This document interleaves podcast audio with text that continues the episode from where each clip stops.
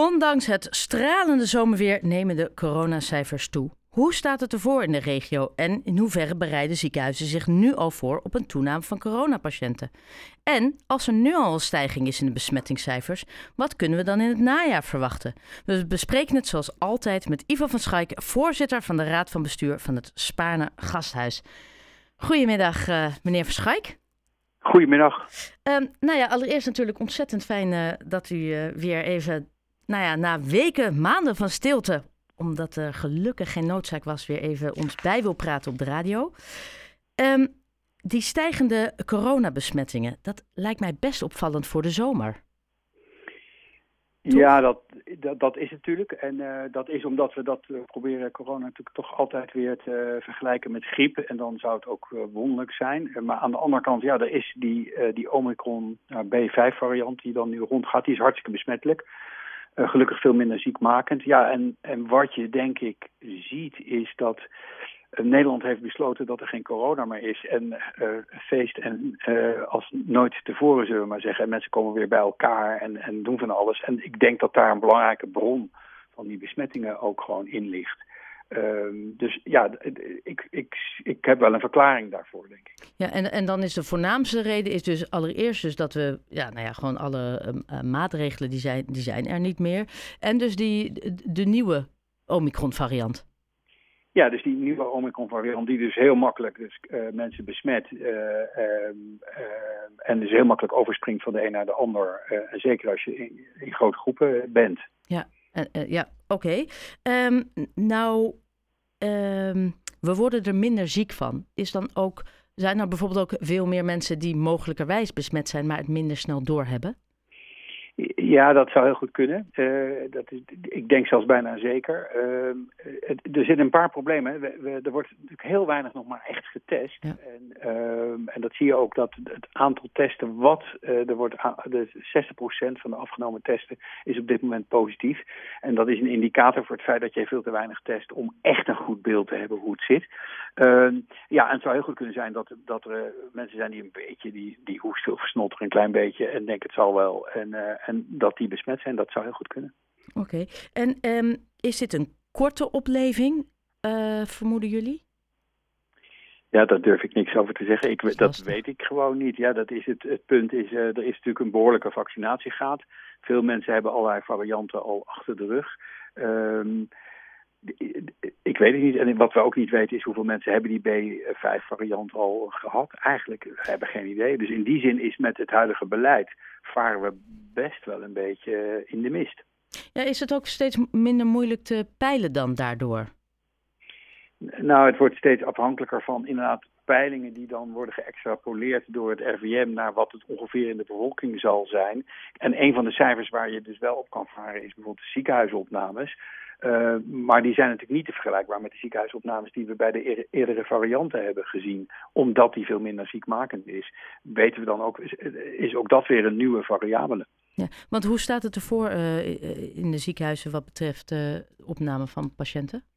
Nou, je ziet wel een groei ten opzichte van uh, april. Dat was ongeveer het laagste wat we toen hadden. Uh, is, is wel duidelijk meer dan uh, verdriedubbeld het aantallen. Maar de aantallen zijn nog steeds natuurlijk ontzettend goed behapbaar. En um, er liggen in het SG nog steeds, ja, het wisselt wel een beetje, maar ergens tussen de 5 en, en 15 patiënten. Oké, okay. maar li die liggen niet op de IC? Nou, soms ligt er één. Okay. En, uh, dus dat zijn geen. En, en, uh, en de ene dag liggen er dus wat meer dan de andere dag. Dus er liggen nog wel steeds patiënten. En er is dus nog steeds een kleine groep mensen die er hartstikke ziek van wordt. Maar ze liggen korter. En, uh, en, de, en de meeste liggen dus ook op de afdeling op dit moment. En, en als we dan een indicatie geven wat voor soort patiënten we het over hebben, zijn dat dan weer oudere, zwakkere mensen of mensen die niet gevaccineerd zijn? Of is het een beetje een mix van alles en iedereen? Ja, het is een beetje meer. Dus ja, er zitten zeker mensen in die dus natuurlijk wel ook andere ziektes hebben. Of een, de, de, dus mensen die niet al helemaal gezond waren. Maar we zien ook wel gewoon gezonde mensen die daar toch hartstikke ziek van kunnen worden. En zijn dat dan mensen die uh, ervoor gekozen hadden om niet zich te laten vaccineren?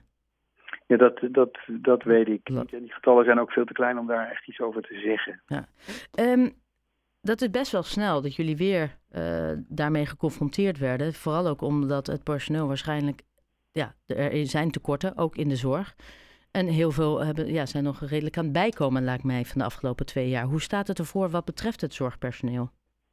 Ja, één misschien belangrijke opmerking. Corona is nooit weg geweest in het, nee, het ziekenhuis. Dus we hebben altijd coronapatiënten gehad. En uh, alleen loopt het aantal nu weer op. Uh, dat is denk ik één. Ja, je, je snijdt natuurlijk een probleem aan rondom zeg maar, gewoon de krapte op de arbeidsmarkt die overal in alle sectoren wordt gevoeld en ook die van ons. En daarbij uh, zorgpersoneel ja, wat, het, wat, het, wat moe is en wat hard gewerkt heeft en eigenlijk best wel even zonder wil.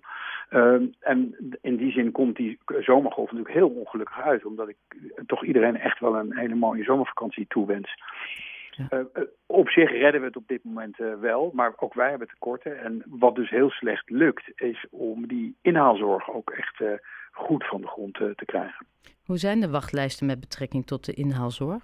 Hebben jullie die... Ja, dat, dat, varieert. voor sommige vakken zijn ze gewoon te lang. En dan denk ik vooral aan orthopedie, urologie. En voor andere vakken gaat het nog wel. en wordt er ook, doen we er alles aan om ze natuurlijk te verkorten en kijken wat we daaraan kunnen doen. Ja. Houdt u er rekening mee dat uh, er meerdere opnames, dus dat, dat het zal toenemen het aantal coronapatiënten over de zomer? Nou, we houden, ja, dus in ons achterhoofd hebben we natuurlijk een scenario klaar liggen uh, dat het toch weer toeneemt. Uh, maar ik moet wel zeggen dat als ik gewoon naar de getallen kijk van de afgelopen weken, dan, dan ga, is het wel allemaal nog behoorlijk beheersbaar. Dus het is, we, we, we praten nu over 70 opnames op, in de kliniek per dag. Ja, we hadden het op de top, uh, wanneer was dat december vorig jaar, kwamen er meer dan 300 mensen per dag uh, binnen. Dus de, er is nog echt wel een verschil tussen toen en nu. Uh, maar goed, als dit gestaag doorzet, ja, dan zullen we vroeg of laat uh, onze.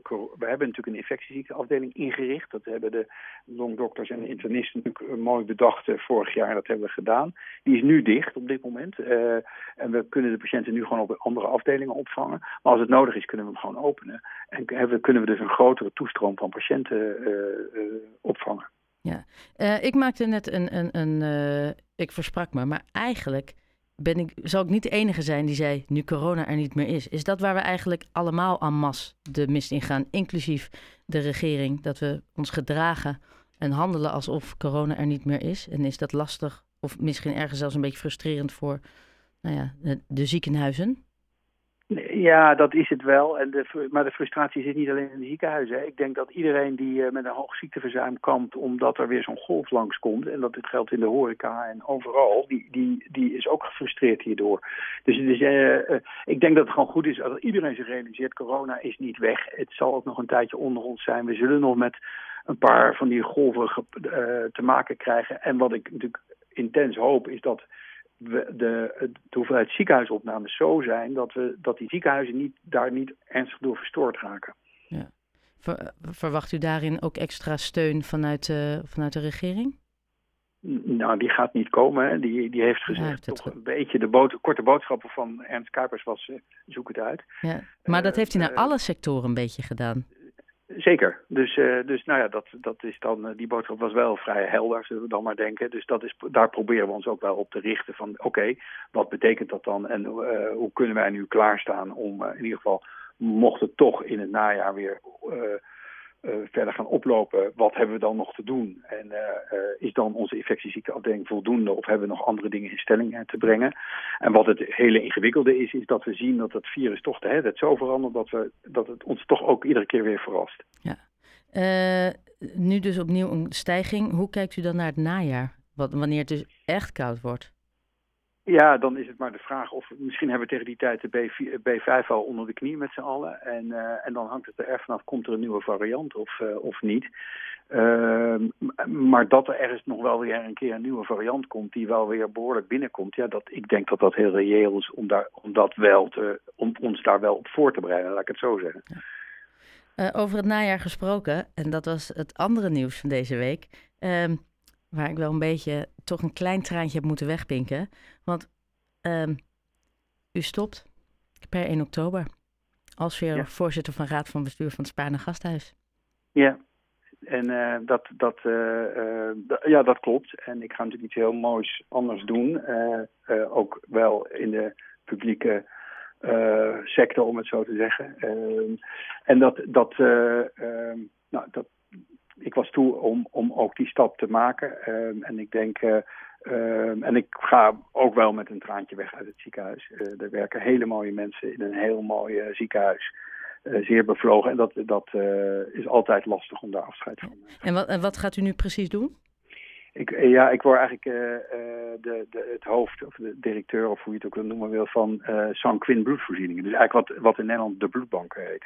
Oké. Oké. En Maar blijft u wel in de regio of is dat in een hele andere regio? Nee, het hoofdkantoor daarvan zit in eh, Amsterdam. Uh, maar er zit in de, de regio Haarlem en de omgeving heeft ook een bloedbank. Eh, die dus onderdeel is van uh, Sanquin. Maar zo zitten er meer dan 40 bloedbanken door het land heen. met als dus het hoofdkantoor in, in Amsterdam. Nou, ik hoop, nou ja, ik, ik, verwacht zelfs dat ik u voor die tijd nog wel een een paar keer zelf spreken. Ik hoop niet over de zomer. Ik, laten we allemaal hopen dat het uh, uiteindelijk een beetje uh, ja, terugloopt, de besmettingscijfers. Voor nu in ieder geval heel erg bedankt, Ivo van Schaik van Spaarne Gasthuis. Ja, graag gedaan. Dank u wel.